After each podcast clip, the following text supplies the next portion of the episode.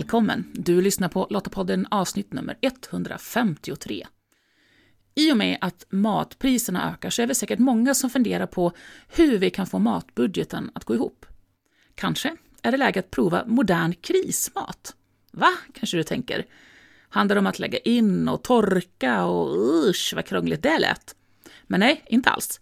Nyckeln är ordet modern. Alltså krismat som funkar i dagens samhälle. Och I det här avsnittet så träffar du Hugo Malm. Han är lärare på Holma folkhögskola och där hjälper han sina elever att ställa om, vilket gör att de förbereder sig i vardagen för att också då kunna klara sig i en kris. I Lottapodden får du möta personer som på olika sätt bidrar till att stärka vårt samhälle. Jag som är värd för podden heter Maria Öst och jag hoppas att du tar med dig något från det här avsnittet som är ny kunskap, som inspirerar dig eller som ger dig ett tips så du kan öka din förmåga att främja, förankra och försvara vår demokrati. Alltså någonting som gör att du stärker din demokratiska beredskap. Lottapodden den är producerad av Svenska Lottakåren och vi är en frivillig försvarsorganisation som engagerar och utbildar kvinnor som vill göra skillnad i vardag, kris och krig för att stärka samhällets krisberedskap och totalförsvaret. Häng med in i samtalet med Hugo och lär dig vad modern krismat handlar om och hur du kan underlätta din vardag och en krissituation genom att tänka lite annorlunda. Välkommen till Lottapodden, Hugo! Tack så mycket. Eh, roligt att vara tillbaka här. Det har ju faktiskt hänt en hel del. Jag var ju med här för det väl ganska precis ett år sedan tror jag och eh, har ju hänt en hel del på det här kring eh, mat och hållbarhet och beredskap kan man minst sagt säga. Så det ska bli väldigt roligt att vara med här igen och prata. Ja men precis, du var ju med i nummer 132. Det börjar snart bli ett år sedan faktiskt, tiden mm. går. Mm. Och då pratade vi om hållbar krisberedskap. Och nu ska vi fokusera lite mer på modern krismat. Du har ju bland annat varit med och hjälpt oss ta fram eh, recept på modern krismat nu i samband med krisberedskapsveckan som genomfördes vecka 39. Eh, och ja, alltså vad, om vi börjar där, alltså modern krismat då, vad är det? Eh, jag tänker mig att modern krismat är mat som vi äter idag redan. Eh, men inte bara det, utan att det även då är mat som eh, vi har väldigt stor självförsörjningsgrad på redan idag i Sverige. Så att antingen att det liksom odlas av bönder eller att vi kan hitta det vilt.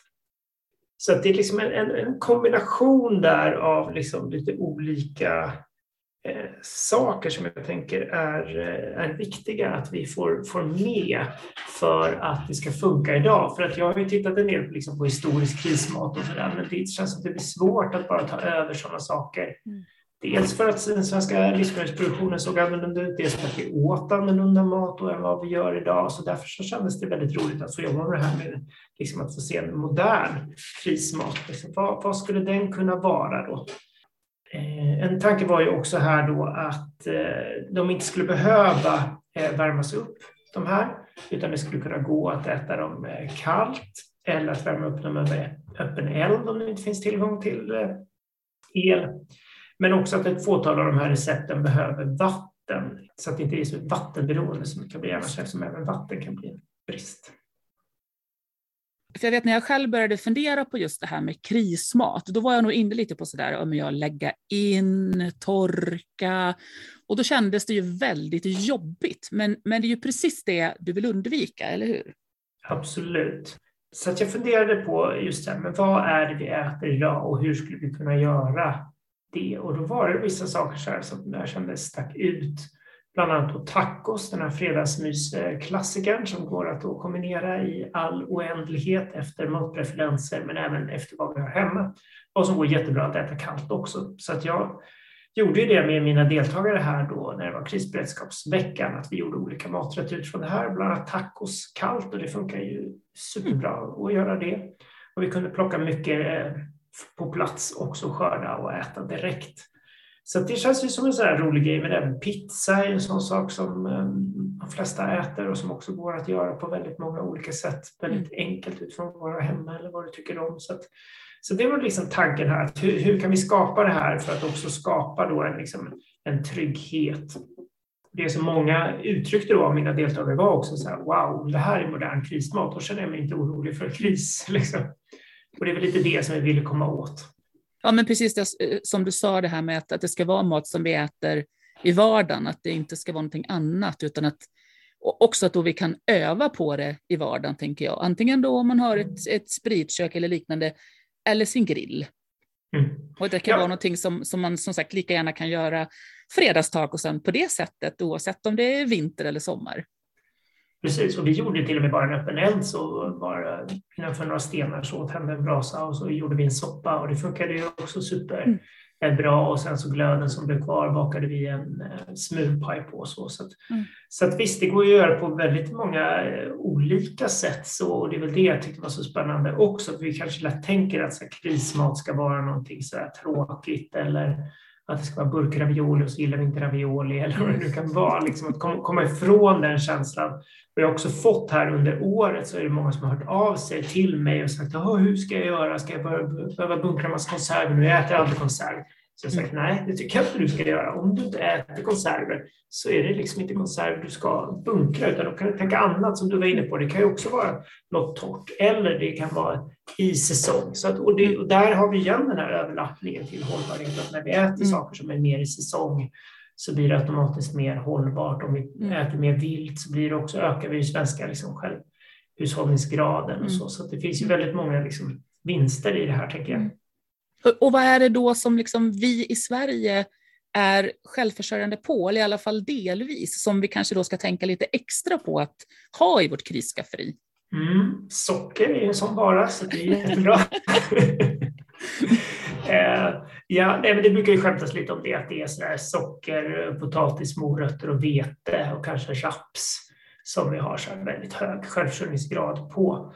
Men jag tycker inte man ska stirra sig blind på det, för det finns väldigt mycket olika andra saker som vi har också. Och där tänker jag, börjar man tänka årstid så blir det också mer naturligt.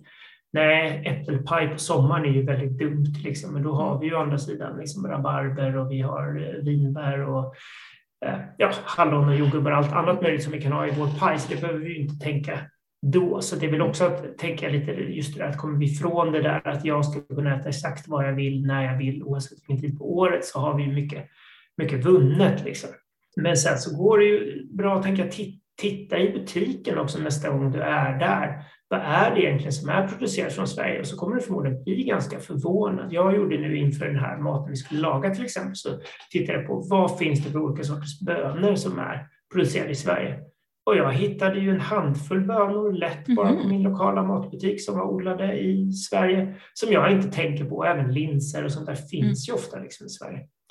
Så det tänkte jag, det var väl en sån sak som var, var intressant. Men sen hörde jag senast idag, jag var moderator för ett frukostseminarium och då var det en forskare vid, en professor vid SLU som pratade om att, att svenskt jordbruk är, sen vi gick med i EU, också väldigt inriktat på export. Så att vi odlar ju liksom mycket av ett fåtal varor, framförallt mm. de som jag nämnde i början, för att kunna exportera dem. Medan till exempel då Finland tydligen fortfarande har kvar den här tanken om att så här, ha en hög självförsörjningsgrad. Så de hade mm. ungefär 80 procent självförsörjningsgrad medan vi har ungefär 50 procent för att de odlar en större bredd av saker. Mm. Vilket också då, som han påpekar, han forskar om biologisk mångfald, gynnar den biologiska mångfalden. Så Precis. det är klart att det här skulle kunna utvecklas ännu mer och det håller ju på att hända med totalförsvaret mm. också. Så det, det, är ju på väg. Men redan idag om vi äter liksom olika saker, om vi äter svenskt, så får vi absolut i oss en, en bra bredd av mat. Ja, men precis som du säger, det här att inventera vad finns i min lokala handlare, men också vad kanske finns av eh, det som, som produceras runt om på mindre gårdar i form mm. av eh, kanske kött eller ja, vad det nu kan vara, så att jag vet om det i förväg. Absolut, jag håller verkligen med dig. Det där är ju jätteintressant, att vi, vi har ju ganska långt avstånd idag från matproduktionen överlag. Så att bara om vi just tittar på det, alltså titta på en karta och se så här, vad har jag för, för bönder runt omkring mig och, vad, och bara ta reda på vad producerar de, gå dit och höra. Vi hade en sån övning också på en annan kurs som jag undervisar i. Och då visade det till exempel att en deltagare hade en producent av havregryn precis bredvid sig som också sålde direkt till privatpersoner, vilket hon inte visste fast hon hade mm. bott där jättelänge. Liksom. Så det är också det där när vi går dit och pratar mer och får, får relationer så blir det ju också så att vi får en annan uppfattning om maten. Och eh, det är ju mycket lättare idag också med rekoringar och Bondens marknad och ja. sånt där så har vi ju helt andra liksom, tillgångar till att få den här direkta kontakten med producenterna. Men du, då pratar ju vi om modern krismat, hur vi äter idag. Men om man ändå ska mm. göra en liten tillbakablick till historien, för du har ju mm. kikat lite på vad man ändå gjorde under andra världskriget till exempel. Mm. För det kanske ändå är dit man först tänker, precis som jag gjorde, jag måste lägga in och jag måste... Ja. Men, så vad är skillnaden då? Vad, vad åt man då? Hur gjorde man då för att få mat? Ja, alltså en, en väldigt stor skillnad är ju då att vi har betydligt större köttproduktion idag och det finns mycket mer vilt i våra skogar. Eh, vildsvin fanns tydligen inte ens i de svenska skogarna under andra världskriget, vilket vi har väldigt mycket av. Eh, älg var det tydligen väldigt lite av också, vilket det idag finns ganska mycket av. Medan däremot så fanns det otroligt mycket fisk, vilket vi idag har väldigt lite av. Så det har liksom ändrats. Så att mycket av de här historiska maträtterna handlar om att ersätta kött med fisk. Eh, så att fisk blandades i liksom det mesta. Men sen så är det såklart att det finns mycket likheter att det är liksom med att eh, dels så promotades det från svenska myndigheter då att folk skulle äta mer vegetariskt för att det var lättare liksom att få tag på. Det var något som det fanns större tillgång på. Och det är ju fortfarande en sån sak. Och idag tänker jag att det skulle bli ännu enklare för det är en större del av befolkningen som idag äter vegetariskt och veganskt. Så det hade inte varit konstigt och gemene man tror jag är mer van att göra det heller också. Liksom. Eh, så det tänker jag hade varit en stor skillnad. Men sen andra saker såklart som att dryga ut, som jag läste att att den här klassiska köttfärssåsen var, var så krismat från början också. Så här, du ska blanda ut köttet med tomatkross och med morötter och med ja, vad du nu har hemma som idag bara, åh vad gott, så här, jättebra. Ja. Men att det började så, och Biff Lindström också var tydligen så här krismat, liksom, som idag är lite så här fin mat nästan. Så, så det är ju kul. Så att jag menar sådana saker tänker jag, det är, det är väl jättebra att, att mm. just tänka det, hur kan jag dryga ut den här maten och hur kan jag variera den? För det är väl, ett, tänker jag, ett problem idag, att vi är så vana mm. att kunna liksom, äta precis vad vi vill när vi vill så att vi inte tänker liksom, vad har jag hemma, vad skulle jag kunna göra av mm. det här, vad kan jag äta istället, kan jag ta en rotfrukt istället för potatis? Liksom se, se de delarna, hur kan jag få mitt protein? Det måste kanske inte alltid vara samma typ av protein, hur kan jag variera mitt mm. proteinintag eller fettintag? Eller mm. så. Ja, men precis. Och då är det ju bra att öva i vardagen så att vi inte står där när vi inte har någon el och spisen inte funkar och kylskåpet och frysen inte har någon ström och fundera på vad gör jag nu? Nej, men precis, så är det ju verkligen. Men där tänker jag också att pandemin faktiskt har varit till hjälp. För vi var väldigt många som, som blev isolerade så här en vecka i taget när vi fick covid i olika omgångar. Och nu hade väl förhoppningsvis de flesta samma tur som mig, att det var så här snälla grannar och vänner som erbjöd sig att handla. Men jag tyckte också det var intressant att se. Vi åkte på det två gånger och se, ja, men hur klarar vi oss under en vecka? Vad har vi för någonting hemma? Och vi upptäckte att det märktes inte jättestor skillnad i vårt förråd under en vecka. Men det är klart att vi också märkte att nej, vi kan inte äta exakt det vi har lust med varje dag. Jag och min familj tog det som en utmaning och tyckte det var lite spännande. Men sen är det klart att det är skillnad på så en vecka pandemi och eh, ja, strömavbrott och du inte vet när du får tillbaka strömmen. Det är ju klart en helt annan situation. Men mm. där tänker jag att vi ändå har fått öva lite på det och jag tänker nu med också de här kriserna med ökade matpriser och så, så tänker jag också att folk kanske börjar tänka lite, jaha, men vad är det extra pris på idag? Eller nu är mm. butiken också för att minska matsvinnet blivit bättre på att så rea ut saker som håller på att gå ut. Och Just det. Då tror jag att fler kommer att börja titta i det och börja se och det är ju också ett steg i rätt riktning, tänker jag. Mm. Och, ja, och det är det här jag tycker är så spännande när liksom vardagskriser som ändå inte är alltså påverkar oss enormt mycket, men det, det gör ändå att, att vi måste börja tänka lite annorlunda. Det hjälper ju oss att, att förbereda oss. Ja, det där är mm. spännande. En vecka är ju det som myndigheterna säger att vi ska kunna klara oss själva. Så, så, så att jag tänker, det skulle man ju kunna göra en vecka om året då, och utmana familjen och se det, precis som du mm. sa, se det som en utmaning och, och göra det till något kul. Ja, och jag har också haft det här, det är så roligt, barnen säger ibland så här, åh pappa ska vi leka strömavbrott? Liksom så här. Och då tar vi så här en kväll och så bara använder vi ingen ström och så kollar vi, då blir det också intressant att se så här, men hur funkar vevradion? Liksom? Jaha, hur ofta måste jag veva den?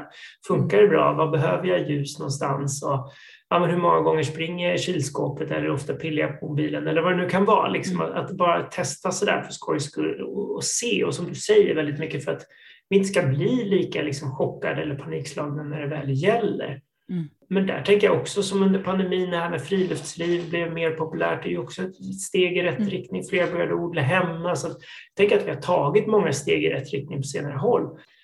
Eh, fler är intresserade av hållbarhet, fler odlar själva, fler är intresserade av mat. Så att jag tänker att vi går ju åt den här riktningen. Men sen är det klart att det fortfarande tror jag är alldeles för få som har mat för en vecka och som ändå är så pass förberedda och som tänker automatiskt att det här är inga problem, nu tar jag fram grillen. Mm. Och, där har vi ju olika förutsättningar tänker jag också, både med hur vi bor, eh, Mm. alltså våran inkomst. Så där behöver man ju naturligtvis tänka till. Det som funkar för dig kanske inte funkar för mig, eh, utan det behöver ju vara anpassat efter och att jag gör det lite pö om pö. Eh, Absolut. Och inte liksom känna så här, nu måste jag gå ut och köpa mitt eh, krisskafferi för en vecka, utan men jag kan, som du sa, nu var det extrapris på, på havregryn, ja, men då kanske jag Mm. köper två paket då, istället för ett. Absolut, och så, så har jag tänkt när jag byggt upp mitt eget liksom, eh, krisförråd med mat hemma. Att så här, nu köper jag tre paket kaffe istället för två paket kaffe och så köper jag två burkar krossad tomatsallad för en och sådär. Liksom. Så absolut, Mm. det är ju jätteviktigt. Men en annan grej som jag tänker just är det här, kopplingen till det du frågade in om andra världskriget, är ju att en väldigt stor skillnad är ju att, att det är väldigt många fler som bor i städerna idag jämfört med hur det var då. Då hade vi ungefär en halv miljon små gårdar som producerade sin mat utan traktorer, utan det var liksom fortfarande dragdjur. Det var hästar och det var oxar och sånt där. Och det har vi ju i stort sett inte kvar alls. Liksom. Så det är ju en väldigt, väldigt Mm. liten del idag. Det är typ 2 procent som arbetar som bönder. Mm. Sen är det ju fler som odlar och är hobbybönder och sådär såklart. Liksom. Men, men det är väldigt mycket färre som har det. Kopplingen till landsbygden är inte lika naturlig och framförallt kanske inte till matproduktionen. Mm. Så det hade ju varit en väldigt stor skillnad. För att det som vi kan se under andra världskriget var ju såklart att de som bodde på landsbygden klarade sig bättre. Mm. Det skulle de säkert göra idag också, bara att de var betydligt fler då och det var fler som kunde flytta in till mormor och morfar eller farmor och farfar på landet än vad det skulle vara idag. Mm. Så det är ju en sån grej, vi hade betydligt högre själv, självförsörjningsgrad Mm. också och var inte lika beroende av de här tillsatsmedlen som kemikalier, eh, konstgödsel, diesel, allt sånt där. Ja, och jag, och jag tänker där blir det ju extra viktigt då i, i en stad eller ett villaområde det här att, att prata ihop med sig med sina grannar och hitta ett sätt hur, hur kan vi i den här trappuppgången eller det här liksom, eh, bostadslängan klara oss tillsammans. Det kanske är Mm. så att vi har inte jättemycket grönområden men om var och en kanske odlar lite grann i sin plätt så att man kan hjälpas åt och ja, då, kanske vi ändå gemensamt kan klara oss.